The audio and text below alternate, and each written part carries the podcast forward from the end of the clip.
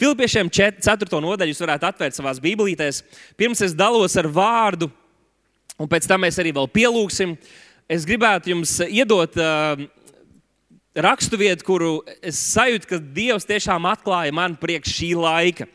Jo es dzirdu par cilvēkiem, draudzē un ārpus draudzes, un varbūt ir kādi pat, kas apņēmīgi bija izvēlējušies, jā, mēs te varētu būvēt savas dzīves un, un uh, paveikt daudzas lietas šeit, Latvijā, bet tad uz robežām kaut kas notiek, un tūlīt ir domas par došanos, par, uh, par šīs zemes atstāšanu un kas šīs domas iedvesmo. Tās ir bailes.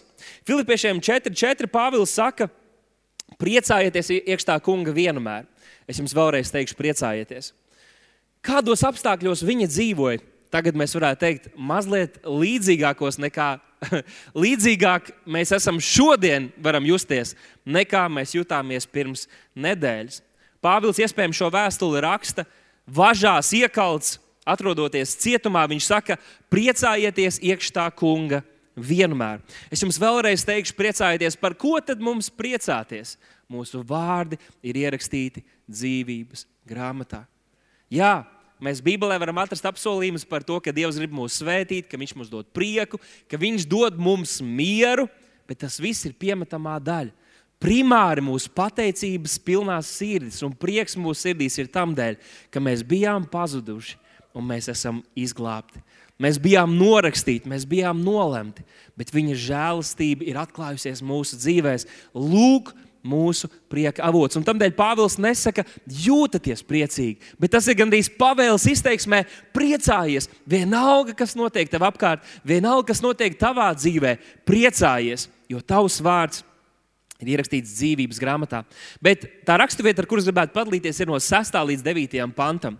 Jo es domāju, kāpēc cilvēki jūtas šādi? Kāpēc ir šīs bailes, kāpēc ir šis satraukums? Un kā cilvēcīgi es to saprotu, bet tas nav manī. Es nejūtu šīs bailes, es nejūtu šo nemieru. Es tieši otrādi pārskatu savu sirdi, kā man šajā laikā būtu jādzīvo. Es ticu, ka Dievs iedeva atbildi, kādēļ tas tā ir un kā mums, varbūt kādam no jums ir rakst, vajadzīga raksturvieta, kā šajā laikā dzīvot, kā dzīvot pēdējās dienās. Klausieties, sastais pants. Nezūdaities nemaz Bet jūsu lūgumi, jūsu vajadzības, tas, kas jūs satrauc, kas jums rūp, lai nāk zināmi Dieva priekšā ar pateicību, ikvienā pielūgšanā un lūgšanā. Atslēgas vārds - pateicība. Kad jūs lūdzat, kad jūs tuvojaties, nākat ar pateicību. Un rezultāts tam, ka mēs nāksim Dievu priekšā ar pateicību, ir 7. pāns.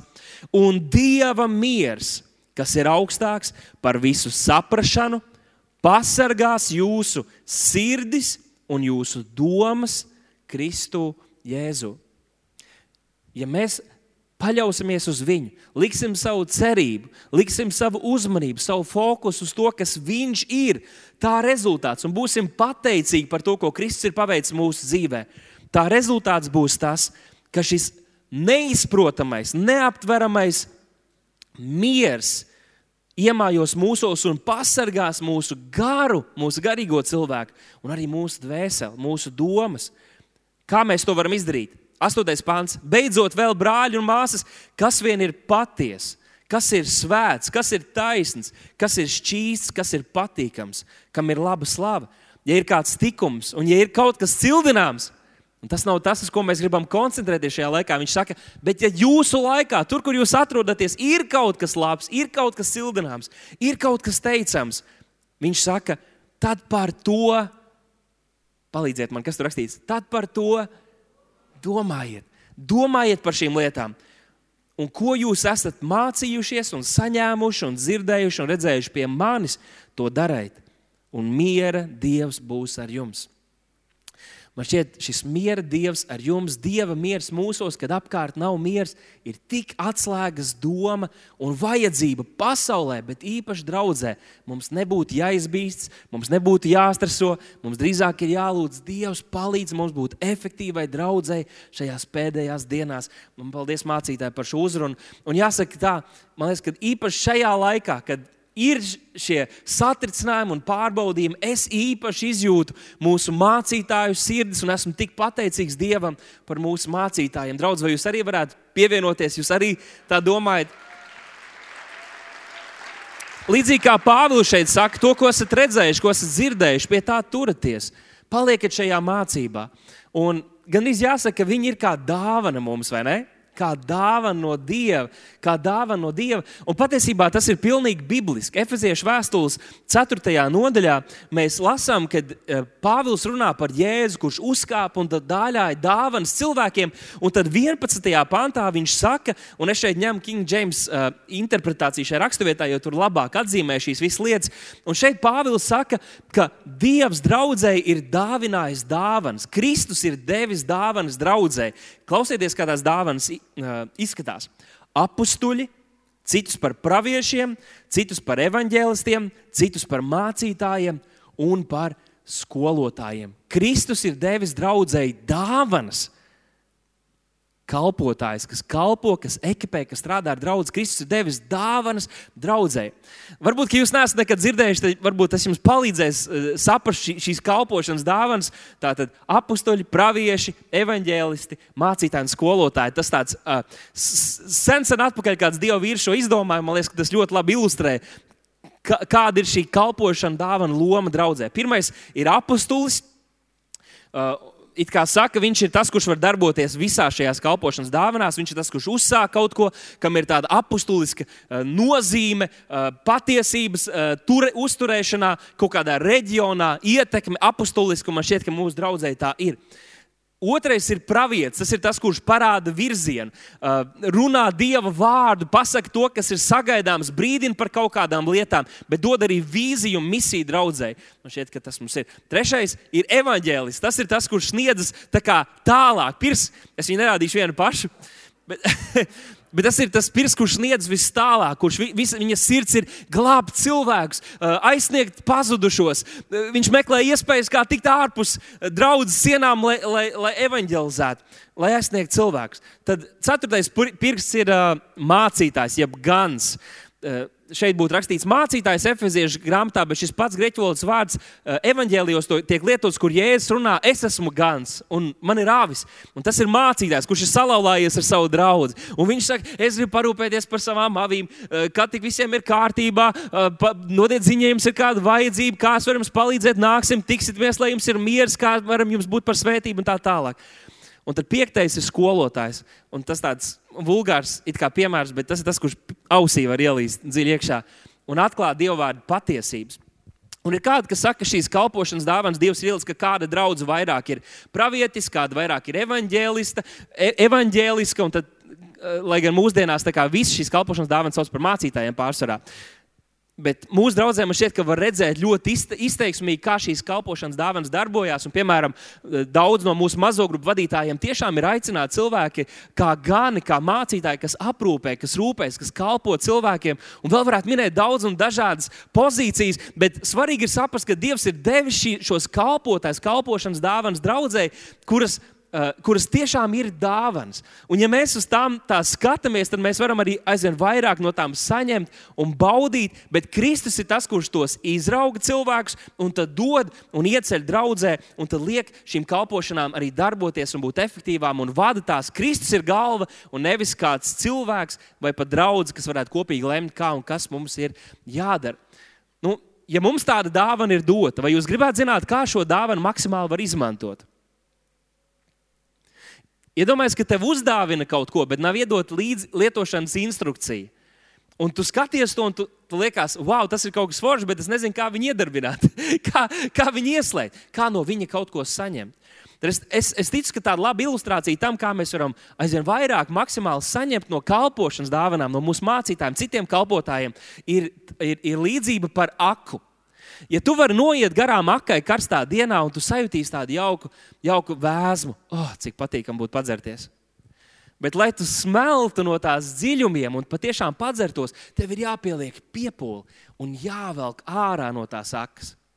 Arī kad kalpotājs, ja mācītājs nostājas šeit, Svētdienas dievkalpojumā, uz platformas un ir sagatavojies kalpot, un svētais gars darbojas un vada, tad lielā mērā, protams, ir kaut kas, kas ir sagatavots, bet draudz ir atbildīga par to, cik daudz mēs varam izvilkt. Jo arī mēs, kas kalpojam, varam saņemt vairāk no Dieva un redzēt, kā svētais gars vadīja, ja jūs, draugs, velkat.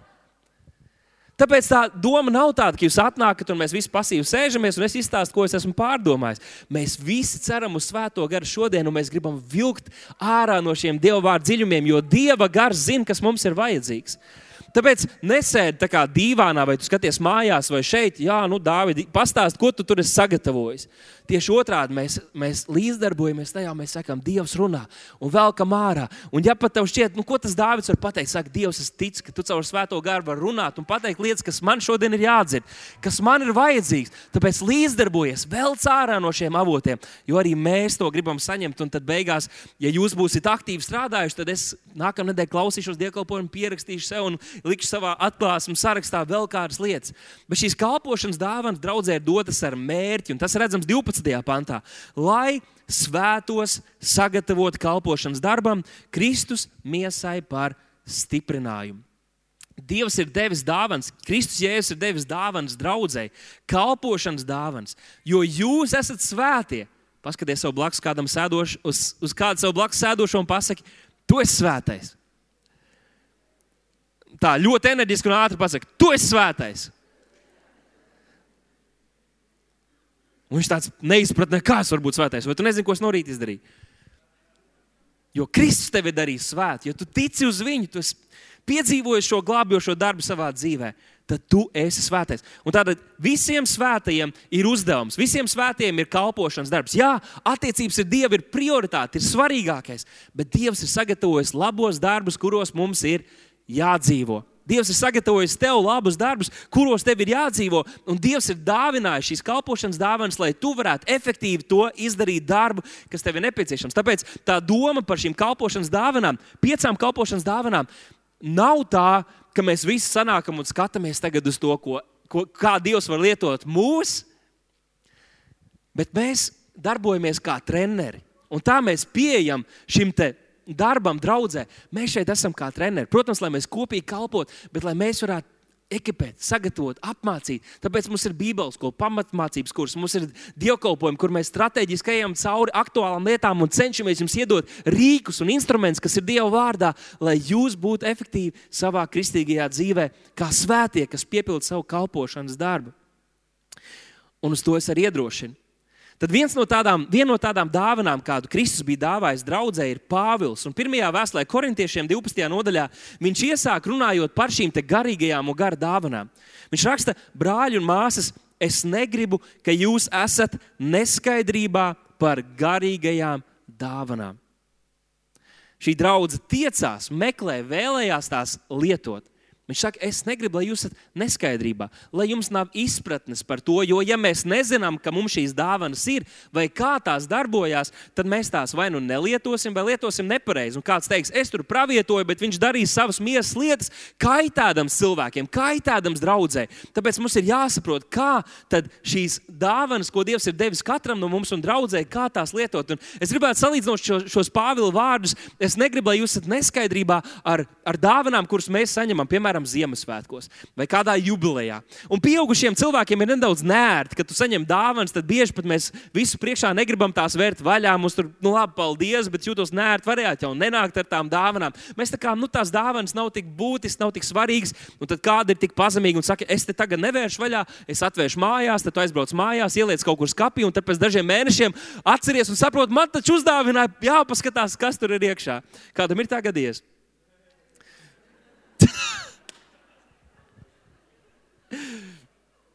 Kaut kur viens cilvēks, viņš tā klusi pacēla roku. Nu, piemēram, tu domā, atkal tur būs zeķis iekšā. Varbūt tu nemaz nevēri vaļā.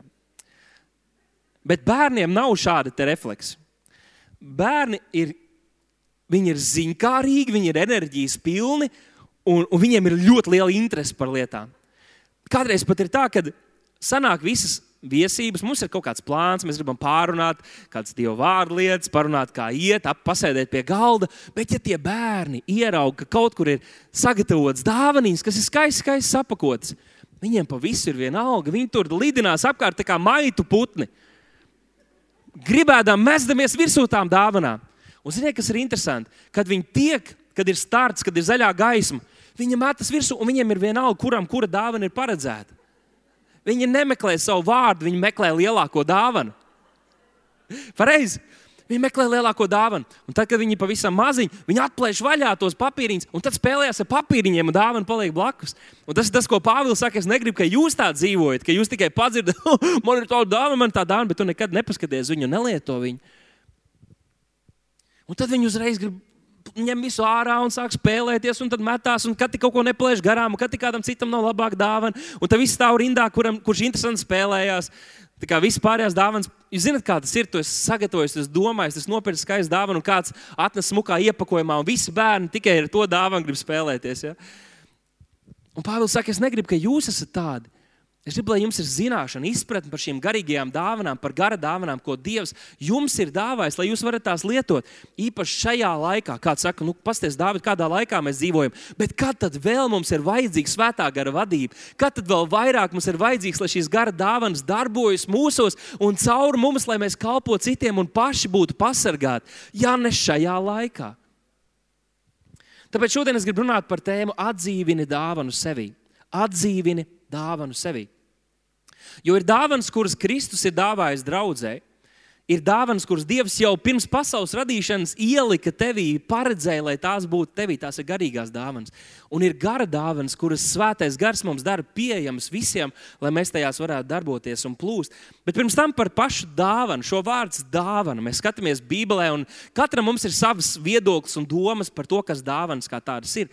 Bet oriģinālajā valodā šis vārds dāvana, kas latviešu rakstīts, ir vārds uh, karisma. Ka, karisma no kā ir atvesināts vārds harizma. Tātad šī dāvana ir harizma, ko mūsu tezaurs tulko, jeb, jeb interpretē kā dieva žēlastība vai īpaša labvēlība. Tātad mēs katrs esam saņēmuši dieva žēlastību, īpašu labvēlību, labvēlību varētu teikt, dieva žēlastības dāvanu, kuru mēs esam saņēmuši bez mūsu paša nopelna. Un vēl kas ir svarīgi saprast, pirms mēs domājam par šīm dāvanām, ir ka Dievs ir dāsns Dievs. Cik jūs par to esat pārliecinājušies? Dievs ir dāsns Dievs. Viņš nesaka, ka es tev iedošu vienu, bet uz pārējiem nemaz necer. Kad viņš dod, tad viņš dod bagātīgi. Un tā kā būs lietas, ir, ir īpašības, kuras spilgti parādās mūsos, bet tas nenozīmē, ka tu esi viendabīga persona. Kā vairākas garīgās dāvanas un gara dāvanas var darboties tevī, un es vēlos lūgt tevi un iedrošināt tevi. Esi atvērts, jo ar šīm dāvanām mēs varam pagodināt Dievu mēs varam kalpot cilvēkiem, mēs varam izplatīt Dieva valstību, un mēs varam dzīvot gara vadītu dzīvi. Un tātad nedaudz uz priekšu, 4. pantā, es izvēlējos jauno tulkojumu, jo mazliet labāk man šķiet, ka tur tas tika parādīts.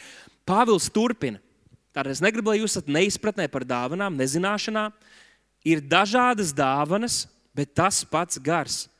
Ir dažādas kalpošanas, bet tas pats kungs ir dažādas spēka izpausmes, bet tas pats Dievs, kas visu visā rosina. Tātad Dievs ir tas, kurš darbojas caur visām šīm lietām.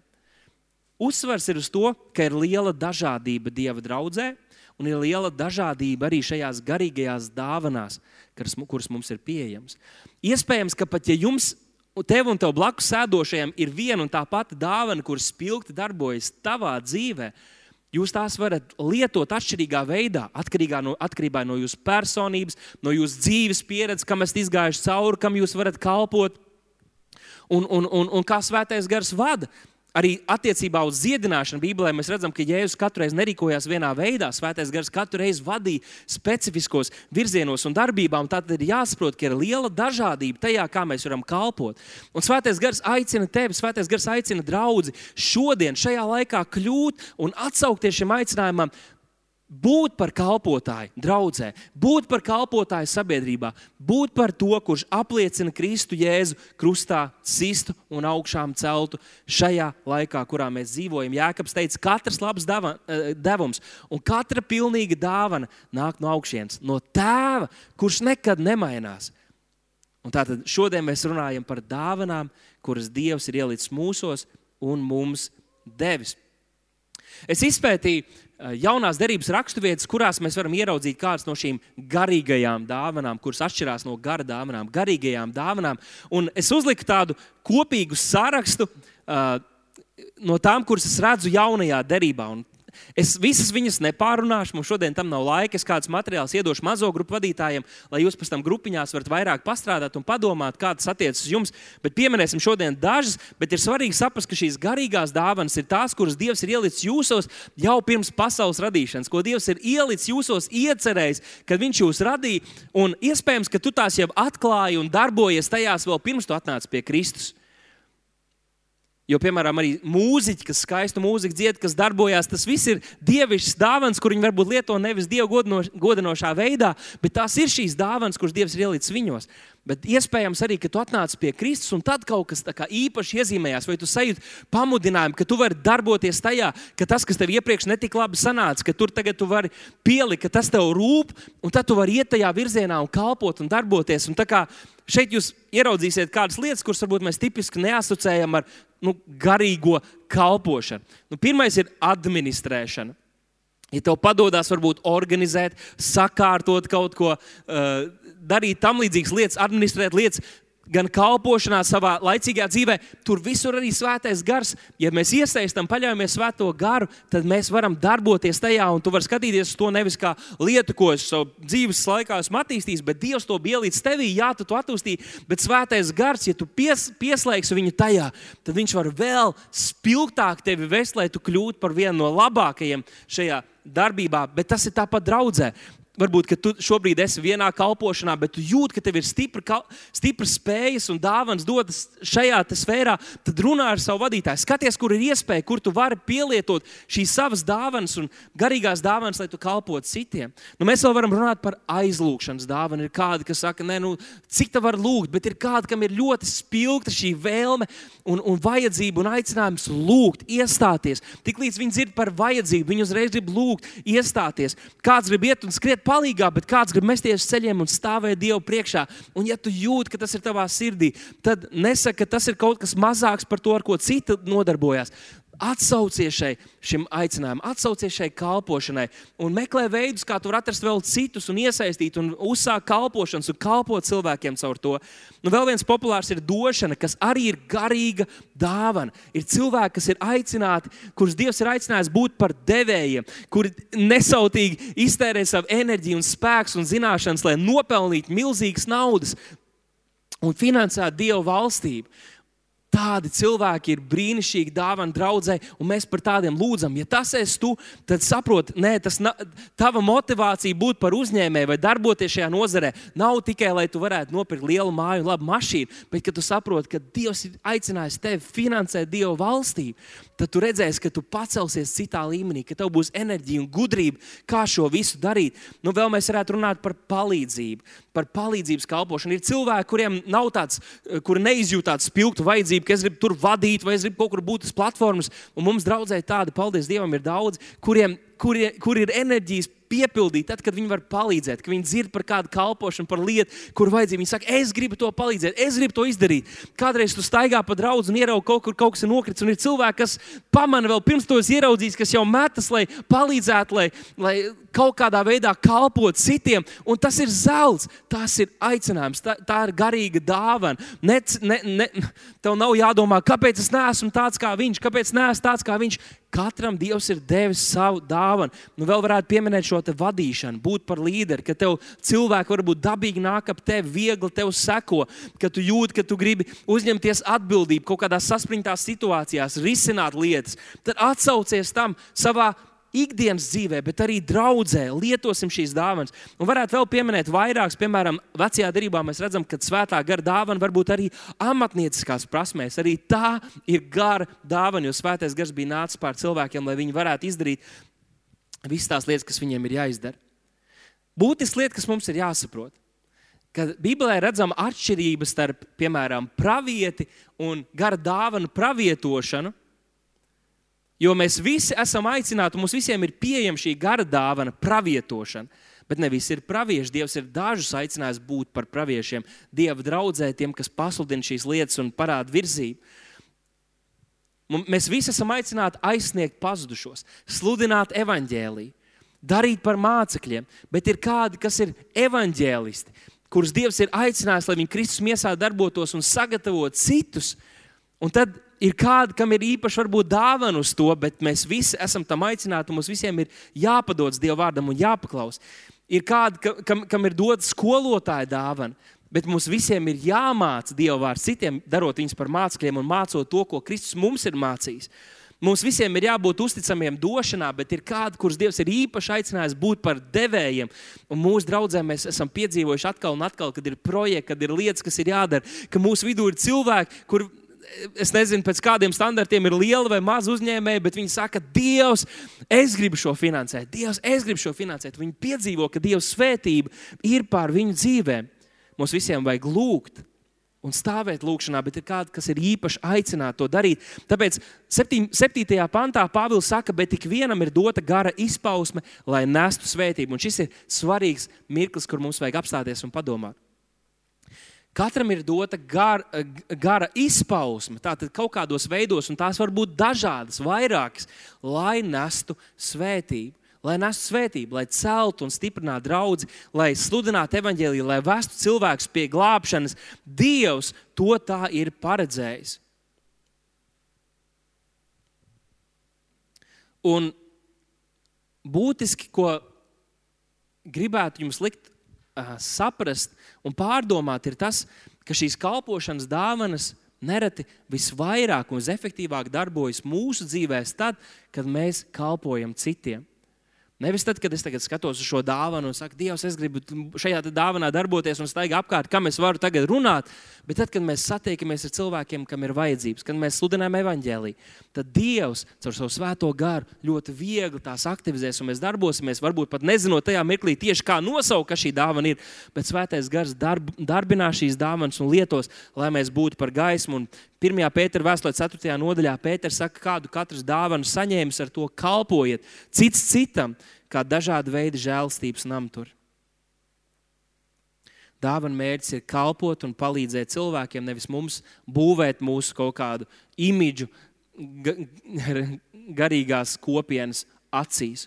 Un tad vēlāk viņš tagad, no 8. līdz 10. pantam runā par gara dāvanām. Es gribētu drusku pieskarties katrai no tām, jo gara dāvanas ir tās, kuras neviens no mums nevaram piesavināties. Neviens nevar teikt, šī ir mana gara dāvana, jo Bībelē ir teikts, un vēlāk mēs skatīsimies, ka Dieva gars to kā gribēdams piešķir un lieto mums, lai mēs kalpotu citiem. Uh, un apskatīsim, kādas tās ir. Tās ir iedalītas trīs grupās. Pirmā ir atklāsmes dāvāns. Atklāsmes dāvāns. Un tur kā pirmo varētu minēt atziņas vārdu. Atziņas vārds ir pārdabiska atklāsme par to, kas ir noticis vai notiek šobrīd.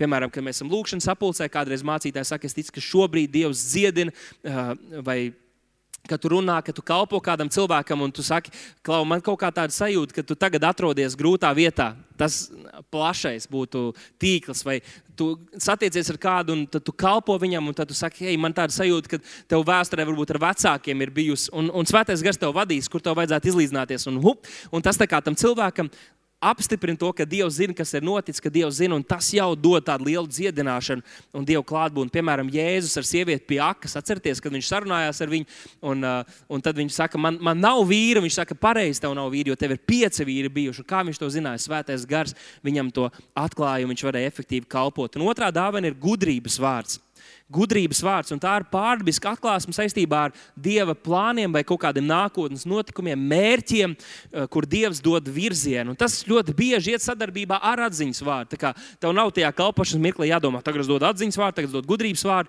bet vienkārši, lai jūs redzat, cik plaši svētais gars mūs var vadīt šajā laikā, un tas ir būtiski, ka mēs padodamies un dzirdam, ka Dievs var tā vadīt.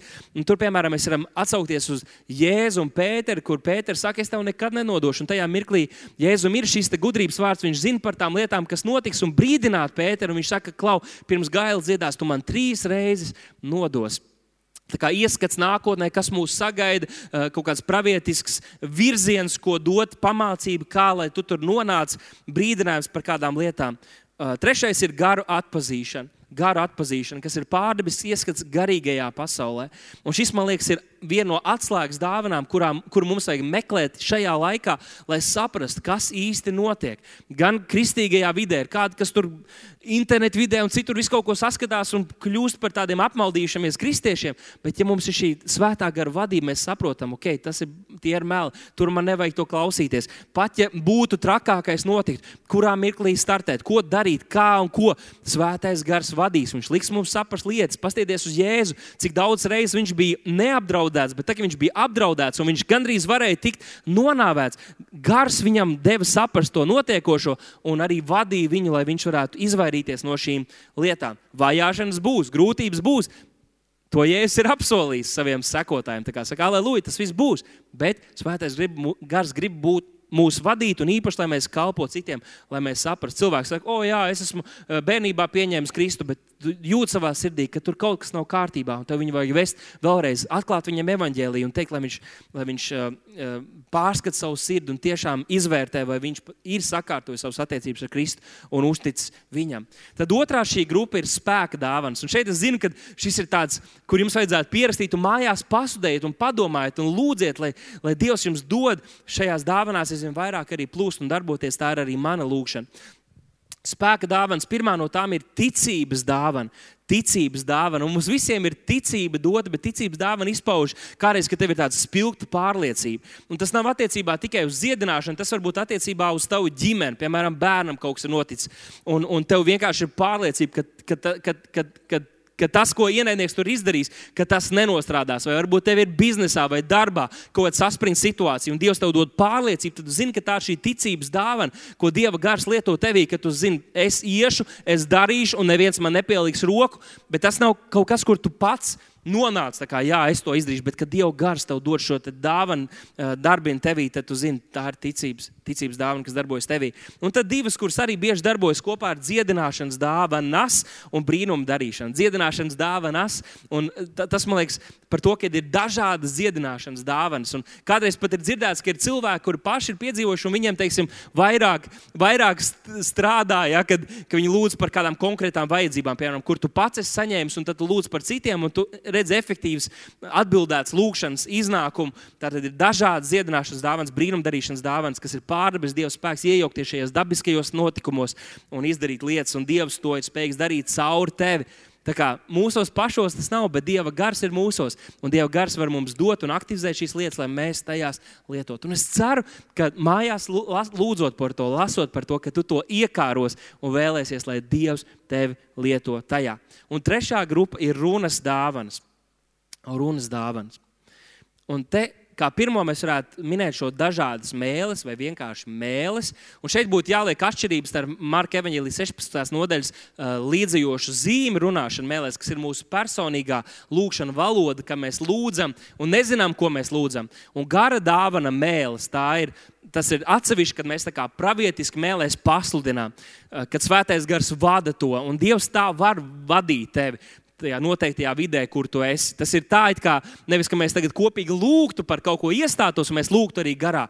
Bet es skatītos uz jums, un es tagad runātu mēlēs, kā 20 uh, sekundes, minūte, divas minūtes runāt mēlēs, un tad es vienkārši noiet malā. Tad jūs visi būtu nesapratnē, kas tikko notika. Un Pāvils saka, tādā gadījumā ir vajadzīga šī otrā dāvana, lai tā darbojās. Mēļu interpretēšana, mūsu tulkojums saka, tulkošana, bet tas nav īsti tā, ka tu katru no tiem vārdiem iztulko, kas ir mēlēs, bet tā ir tā kā interpretācija, ka tu kopsavilkumu var pateikt, ko Dievs centās mums atklāt, atklāt vadīt. Un tad Pāvils saka, ja kāds runā mēlēs, vai tu pats runā mēlēs, tad lūdzu, lai tev arī pēc tam ir šī interpretēšana, uh, vai kādam citam Dievs to dod, un tas arī kādreiz notiek. Tā kā tam mēs arī varam ļauties. Un tad trešā ir pravietošana. Pravietošana, kas ir pārdabiska runa, zināmā valodā, Uh, un mēlē. Un tātad kādi saka, ka tas ir šī runāšana mēlēs un interpretācija, ka tās ir savienojušās kopā, bet vēlāk mēs arī apskatīsimies mazliet par to, kā šī pravietošana jālieto. Jo Pāvils saka, tiecieties, lai jūs visi varētu pravietot. Un tāpēc mēs pieskatīsimies raksturvietai, kas par to runā. 11. pantā viņš turpina. Visu to padara viens un tas pats gars, piešķirdams katram savu tiesu, kā gribēdams. Un tātad šeit vēlreiz garīgās dāvanas ir ieliktas mūsos Tu varbūt vēl to neatklāji, bet tad, kad tu savienosies ar svētā gara vadību, tad sapratīsi, jā, man arī šī, šis ir virziens, kurā es varu darboties, un Dievs aicina mani kalpot, lai es būtu par svētību draudzēji un cilvēkiem. Bet gara dāvanas neviens nav piesavinājies. Gara dāvanas ir tās, kuras pieder svētajam garam, kas ir mūsos, un viņš var tās lietot pēc nepieciešamības, lai mēs kalpotu un atnestu svētību citiem cilvēkiem. Ja tu gribi, lai šīs gara dāvanas parādās tavā dzīvēm, tad rīkojies. Lūdz par cilvēkiem, sludini evaņģēlīju, noliec sevi situācijās, kur tev ir nepieciešama šī garīgā vadība, un tu redzēsi, ka gars, svētais gars tevi vadīs, un tu redzēsi, kā šīs dāvanas darbosies. Kā mazajā grupiņā mēs to varam īpaši trenēties un lietot, tāpat arī vidē ārpus draudzes, es ļoti iedrošinu tevi. Un Pāvils pat saka, kādā veidā dzenieties pēc šīm dāvanām, ko mēs pēc mirkļa arī redzēsim. 14. pāns viņš saka, jo arī miesa nesastāv no viena, bet no daudziem un dažādiem locekļiem. Un pēc tam viņš runā par rokām, par kājām, par degunu, par ausīm. Un viņš cenšas mums attēlot šo dažādību draudzē un dažādus aicinājumus un dāvanas draudzē. Un viņš saka, ka viens var būt acs, un otra var būt roka. Un tāpēc, cik labi ir apzināties arī šajā laikā, ka mēs esam vienoti kā draugi. Jo ko gan viena roka varētu iedomāties, tagad tu būtu atnācis draugs un to blakus atnākt un apsēst uz viena roka. Vai atnāk tikai acis apsēsties, jo pārējais ķermenis gribēja palikt mājās, bet acis gribēja būt dievkalpojumā. Tas nav iespējams. Un tāpēc arī mums ir jābūt vienotiem. Tāpēc, kad mēs iestājamies, mēs viens otru paceļam. Ir brīži, kad acis ir ļoti svarīgs, ir brīži, kad rokas ir ļoti svarīgas, ir brīži, kad iekšējie orgāni ir ļoti būtiski, kas visu laiku funkcionē. Un tāpēc mums ir jābūt kopā, mums ir jāatbalsta vienam otru un jākalpo cits citam, jo katram ir savs pienesums, katram ir sava dāvana, lai mēs būtu efektīvi arī šajās pēdējās dienās. Un, ja nu notiek, ka mēs nevaram šeit sapulcēties kopā, Kristus miesai tik un tā ir jāturpina funkcionēt. Tur, kur mēs esam mazās grupās, kur mēs sanākam, un mums ir jākalpo cits citam, lai mēs celtos, lai mēs pastāvētu, lai mēs uzvarētu. Bet Dievs ir mums devis savu vārdu, un mēs zinām, ka Dievs pasargās un izvedīs mūs cauri, lai kas arī notiktu pasaulē.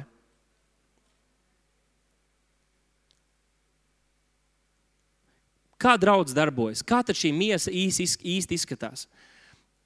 Tas, kas ir problēma kādreiz Kristus miesā, ir tā, ka ir kādi, kuri ir ļoti aizdegušies par savu aicinājumu, bet nesaprot, ka mums visiem nav viens un, viena un tā pati kalpošanas dāvana. Ne vis, visiem nav vien, viens un tas pats uzdevums iedots, lai gan aizsniegt neglābtos, tas mums visiem ir jādara. Bet Kristus miesā jūs dzirdējāt dažādas gara dāvanas, dažādas garīgās dāvanas un dažādi uzdevumi, kas mums ir Kristus miesā jāpild. Ir kādi, kas ir ļoti stipri par evanģelizāciju. Par to mēs esam dzirdējuši. Un viņi saka, mums ir jāiet ielās. Ko mēs te sēžam? Kāpēc mēs svētdienā sanākam kopā? Lai gan Bībele saka, mums ir jābūt, ja tu esi kristietis, tev ir jābūt savai draudzē, kur tu nāc kopā, kur saka, Dievs ir pats svarīgākais. Es ļauju un es padodos kalpošanas dāvanām, lai Dievs var tās lietot manā dzīvē, un vēl un vēl un vēl mēs varētu runāt. Un viņš saka, ko mēs te nākam? Mums jāiet evanģelizēt. Tad ir kāds cits, kurš ir nodevies biznesa vidē, lai finansētu Dieva valstību, lai būtu iespējams daudz lietas, projekti, kur ienāk sirdī kādam. Tad ir kādam citam palīdzošā kalpošana, kurš varbūt nav aicināts iet ielās evanģelizēt, bet kurš var palīdzēt, kurš var sagatavot, kurš var izdarīt lietas, kuras, kuras tas cits cilvēks nevar darīt. Un cik stulbi būtu, ja atsāktu teikt, rokai, nu, ko tu tur dari? Tu nemaz neredzi, neredzi, kur mēs ejam. Nu, kāda jēga no tevis? Tad roka bļauj ausī. Nu, aus, ko tur augšā dara? Palīdz mums pacelt šo smago dīvānu. Un aus tādu es gribētu, bet uh, es nevaru aizsniegt. Un rodas šīs šķelšanās un nevienprātība, tāpēc mēs sargājam vienotību. Tas ir viens no mūsu pamatu uzdevumiem. Katram savs uzdevums, katram kopīgi mums kā draudzē ir misija, bet mums katram ir savs dažādas uzdevumi un lomas draudzē. Būt uzticamiem tajā, mīlēt vienam otru, stiprināt, kalpot vienam otru, palīdzēt viens otram celtīs, saskatīt dāvanas citos, ne tikai domāt par to, kādas dāvanas Dievs ir devis man. Un tas ir veids, kā Dievs ceļ savu draugu. 18. pāns. Bet Dievs locekļus ir nolicis miesā ikvienu savā vietā, kā viņš gribēja. Un šis ir ļoti svarīgi. Dievs ir nolicis savā vietā, kā viņš gribēja. Kāpēc, kāpēc es neesmu šobrīd uz platformas? Dievs tā gribēja. Kāpēc es nevadu mazo grupu? Dievs tā gribēja. Vai tu kaut kad vari maz, vadīt mazo grupu, vai tu kādreiz vari tikt uz kādas platformas un kalpot cilvēkiem? Jā, bet tev ir jāiet tas ceļš, un tev jābūt, jābūt tā, ka Dievs tevi aicina tajā. Kāda būtu jēga, kad cilvēks uzkāpa šeit, bet viņam nav Dievs devis ne aicinājumu, ne šo dāvanu, kalpot draugu, ekipēt draugu, atnest kaut kādus augļus. Tā būtu tāda tīra laika iztērēšana. Un tāpēc Dievs saka, Viņš visu ir nolicis, bet tā dāvana, kas tev ir dota, to tev ir jāattīst. To, ko tu redzi, to, ko tu esi identificējis, tā tev ir jālieto. Ja tu to nelietos, tā kļūs aizvien neauglīgi tevī. Tas, ka tev ir dāvana, vēl nenozīmē, ka viss ir, pabe... ka viss ir piepildījies. Tev ir jāstrādā ar to. Mēs visi varam spēlēt klavierus, mēs visi varam paspēlēt saksofonu, mēs varam kurš nosēsties tur, uzspēst dažas taustiņas, un tā būs klavieru spēlēšana. Bet ir kādi, kam ir dots aicinājums, kam ir dots dāvana to darīt. Un, ja vēl viņi iegūda laiku tajā, tad viņi to var darīt izcili. Un to pašu Dievs saka par tevi. Netieksimies tur, es gribu būt tajā vietā, es gribu būt tajā. Ko, ko Dievs ir devis tev, lieto to un ļauj, lai Kristus pats tevi ceļ lai Kristus pats tevi vada, un tas ir tas labākais ceļš. 31. pantā viņš noslēdz šo 12. nodaļu, sakot, bet zenieties pēc vislielākajām dāvanām, un es jums rādīšu vēl pārāku ceļu. Pēc lielākajām dāvanām, un kāds varētu teikt, lielākā dāvana ir pravietošana, uz ko viņš ir iedrošina. Bet man šķiet, ka mēs varētu uz to skatīties arī tā, ka lielākā dāvana ir tā dāvana, kur ir nepieciešama tajā mirklī, kurā tu esi, tajā vietā, kur tu kalpo. Varbūt, ka tev Dievs ir aicinājis nodarboties ar žēlsirdības darbu. Tad tev būs noteiktas dāvanas, kuras tev būs nepieciešamas, lai tu īstenot šo uzdevumu, kas tev ir nepieciešams. Ja Dievs tev ir aicinājis vadīt mazo grupu, ja Dievs tev ir mūs, mūs visus ir aicinājis dažādām lietām, tad tiecies pēc tām dāvanām, kuras ir vissvarīgākais, lai, lai tu varētu efektīvi piepildīt savu aicinājumu. Tad tagad viņš atklāja šo pārāko ceļu 13. nodaļas 1. pantā. Lasiet kopā ar mani. Viņš saka, ja es runātu ar cilvēku un eņģeļu mēlēm, un man nebūtu mīlestības, tad es būtu skanošs varš vai šķindošs zvārguls. Tātad efektīvas kalpošanas un arī gara un garīgo dāvanu lietošanas atslēga ir mīlestība. Visam jānotiek mīlestībā. Ticība darbojas tikai un vienīgi mīlestībā. Tikai un vienīgi mīlestībā.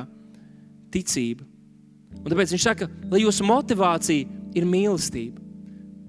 Mīlestība, kas Dievam ir uz jums, mīlestība uz cilvēkiem. Kad tu kalpo kādam draudzē, kad tu kalpo kādam ārpus draudzes, lai tas nenotiek tāpēc, ka tev vajag, lai tu vari pateikt kādam, ka tu esi to darījis, vai lai tu vari kādam pastāstīt, re, kāda man bija tur dāvana, re, ko es viņam pateicu. Lai tas nenotiek da, citu iemeslu dēļ, kā vien, jo tu mīli to cilvēku, jo Dievs vēlas izmainīt viņa dzīvi, jo Dievs vēlas atklāties šim cilvēkam. Un, ja šī mīlestība mūs vadīs, tad mums nebūs bailes, jo pilnīgi mīlestība aizdzen visas bailes. Mums nebūs bail pieiet pie augstiem un pie zemiem, lai viņiem kalpot, jo mīlestība, mīlestība apsedz visas lietas. Mīlestība ir pacietība, mīlestība ir laipna, par to mēs esam lasījuši. 9. pantā viņš saka, jo nepilnīgi ir mūsu atziņa un nepilnīgi ir mūsu pravietošana. Citiem vārdiem, lai kā tu centīsies, nevienmēr tev simtprocentīgi viss sanāks.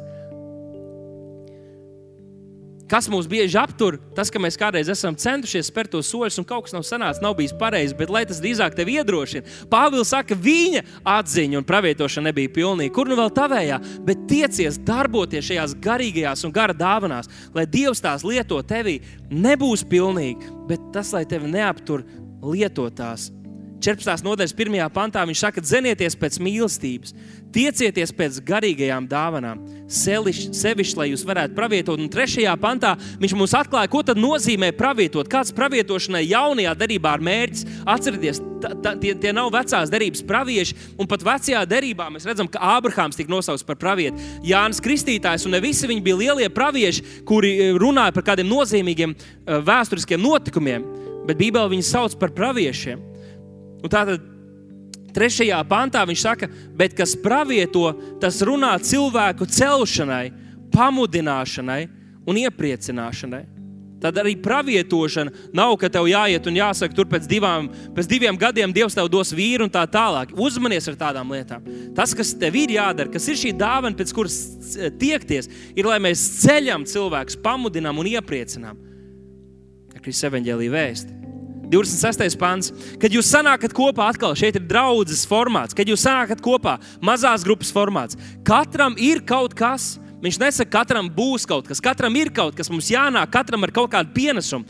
Vai psalms, vai mācība, vai atklāsme, vai mēlis, vai mēļu izskaidrošana. Viss, lai notiek celšanai, kad mēs sanākam kopā, viss, lai notiek celšanai, un mums katram ir jānāk Dievs. Es gribu saņemt, darbojies manā dzīvēm bet lieto mani, lai šodien es kādam par svētību, ne tikai manā laicīgā dzīvē, bet arī draudzē. Iedomājieties, ja mēs katru reizi, kad mēs sanākam, mēs katrs nāktu ar kādu pienesumu, ar kādu dāvanu. Mēs visi viens otru apdāvinātu. Nevis fiziskām dāvanām, bet garīgām dāvanām. Un mēs ļautu, lai Dieva gars lieto, un kāds tagad teiks, tur kaut kur stūrī kāds sēdēs jau un teiks, jā, Daila, dod man mikrofonu, es tagad gribu dot tos dāvanas, tagad viss sākam, visi dalīsimies un tā tālāk. Un paskatieties, kā viņš nobeidz 14. nodaļu, 3.2. pantā. Pat praviešu gari praviešiem klausa. Tātad svētais gars nebūs tas, kurš pēkšņi tev tagad vadīs, rīkoties haotiskā veidā un pārkāpt draudzes kārtību un to svaidījumu, kāds ir šajā draudzē. Viņš saka, jo Dievs nav nekārtības, bet miera Dievs. Ja tu kaut ko saņem no Dieva, ja Dievs tev kaut ko iedos, tad tev atradīsies laiks, kur to uh, kārtīgā, cieņpilnā, pazemīgā veidā, lai tu varētu tajā darboties un to padalīties un tajā kalpot. O, es kaut ko saņēmu. Es kaut ko saņēmu. Visiem tas ir jādzird. Padomā kārtīgi. Vai tas ir priekš visiem, vai tas ir priekš tevis? Bieži mēs saņemam kaut ko, un tas ir priekš mums personīgi. Lai mēs paši to ņemtu vērā. Mūsu draudzē ir kārtība, ja tu kaut ko saņemsi, tu vari pienākt pie mācītājiem, un ja viņi sajutīs apstiprinājumu, ka tas ir draudzē jādzird, tev būs iespēja arī to padalīties. Vai pat ja mācītājs ar to padalās, tā ir tā dieva kārtība. Viss notiek ar kārtību. Mēs pakļaujamies divu atceltām autoritātēm, un tā ir pazemība, un tas ir spēks, un tā ir dievbijība. Viņš saka, tiecieties pēc šīm dāvanām, darbojieties tajās, īpaši, kad jūs aizsniedziet cilvēkus, arī draudzē, ceļat, kalpojiet viens otram, bet lai viss notiek kārtīgi, pastudiet mājās šīs raksturvietas. Un noslēdzot, pirms mēs vēl pavadīsim laiku, tuvojoties Dievam, pielūdzot viņu, piedzīvojot viņa klātbūtni. Vairāk šodien es gribētu jums iedot divus tādu iedrošinošu vārdu tiem, kas varbūt tās savas dāvanas ir mazliet nolikuši tā novārtā. Pāvils rakstīja romiešiem 11. nodaļā, jo neatceļam ir Dieva žēlastības dāvanas un viņa aicinājums. Ja Dievam ir aicinājums pār tavu dzīvi, Tu varbūt vari kaut kādas lietas, notikumus palaist garām, bet tas aicinājums ir neatceļams. Un iespējams, ka tu esi kādu laiku to bijis nolicis malā, un tagad tev ir citas lietas, kas tev satrauc, bet tu jūti, ka Dieva gars tev pamudina par kalpot kādiem cilvēkiem. Tu redzi kaut kādu vajadzību, un saki, es gribu būt tas, kas, kas par to var parūpēties, vai draudzē, vai ārpus tās. Vai varbūt, ka tu esi bijis lielos grēkos, un liekas, vai Dievs man var lietot? Jā, Dievs tev var lietot, atgriezies no grēkiem. Tic uz Jēzus Kristu, Viņš tev darīs par jaunu lapu, dos tev jaunu dzīvi, sako viņam, meklē viņu, tuvojies viņam. Aicinājums ir neatceļams. Un Pāvils šim jaunajam kalpotājam, Timotejam, deva divus norādījumus attiecībā uz dāvanām, kuras viņš bija saņēmis. Pirmais, Pāvils viņam saka, Timotejam, lai viņš nenicina bet atdzīvina dāvanu, kas ir viņā. Un otrkārt, otrajā, nu, otrajā uh, vēstulē viņš saka, es atgādinu tevi atdzīvināt dieva žēlstības dāvanu, kas dota tev. Tātad nenicini, nenicini to, kas tev ir dots. Man liekas, ka tas ir ļoti. Es gribu vēlreiz uzsvērt to, pirms mēs noslēdzam. Jo mēs varam skatīties uz kādiem un teikt, bet visi taču redz to pozīciju, vai tā pozīcija ir tik forša. Bet tad, kad ieraugi, ka mana pozīcija ir forša, ka tas, ko Dievs man ir aicinājis, ka tas ir brīnišķīgi, iedomājieties, ka tā būtu ģimene. Un vīrs visu laiku ir skaudīgs par to, ka sieva dabūja piedzemdēt bērnu, ka sieva dabūja būt māmiņa atvaļinājumā un barot to bērnu. Un kāpēc es to nevaru darīt? Man skauž, tas, tas rada abiem diviem attiecībās problēmas. Tas vīrs arī nevar būt labs tēvs un labs vīrs. Bet, kad saprot, es esmu radīts par vīrieti, es esmu radīts par tēvu. Un man ir mana loma, ja pat tas nav nekas āršķirīgs, kā visi man neapaldē, bet es saviem bērniem varu būt priesteris manā namā. Es varu atbalstīt, un kalpot savai sievai un darīt to, kas ir nepieciešams. Tad tu uh, piecelies un saki, Dievs man ir aicinājis tam. Un, ja Dievs tev ir aicinājis būt par palīgu, būt par kalpotāju, nodarboties žēlstības darbu, būt par devēju, tad pacel savu galvu un saka, Dievs, es pateicos par šīm garīgajām dāvanām, ko tu ieliec manā sirdī. Un dod man, kungs, tiešām kalpot. Tev nav jāiet visiem jāstāsta apkārt, kas ir tava dāvana. Tev pašam tas ir jāzina un tas jālieto. Tāpēc šodien kopā ar Pāvilu saku, nenicini to dāvanu, kas ir tevī. Un otrkārt, viņš saka, atdzīvini. Vai jaunais tulkojums saka, no jauna uzjundī, no jauna uzjundī šo dāvanu, ko Dievs tev ir devis. Šis nav laiks mums būt pasīviem, šis ir laiks mums būt aktīviem, šis laiks mums aktivizēties un redzēt, ko Dievs var darīt caur katru no mums. Arī tiešām spiedošos laikos.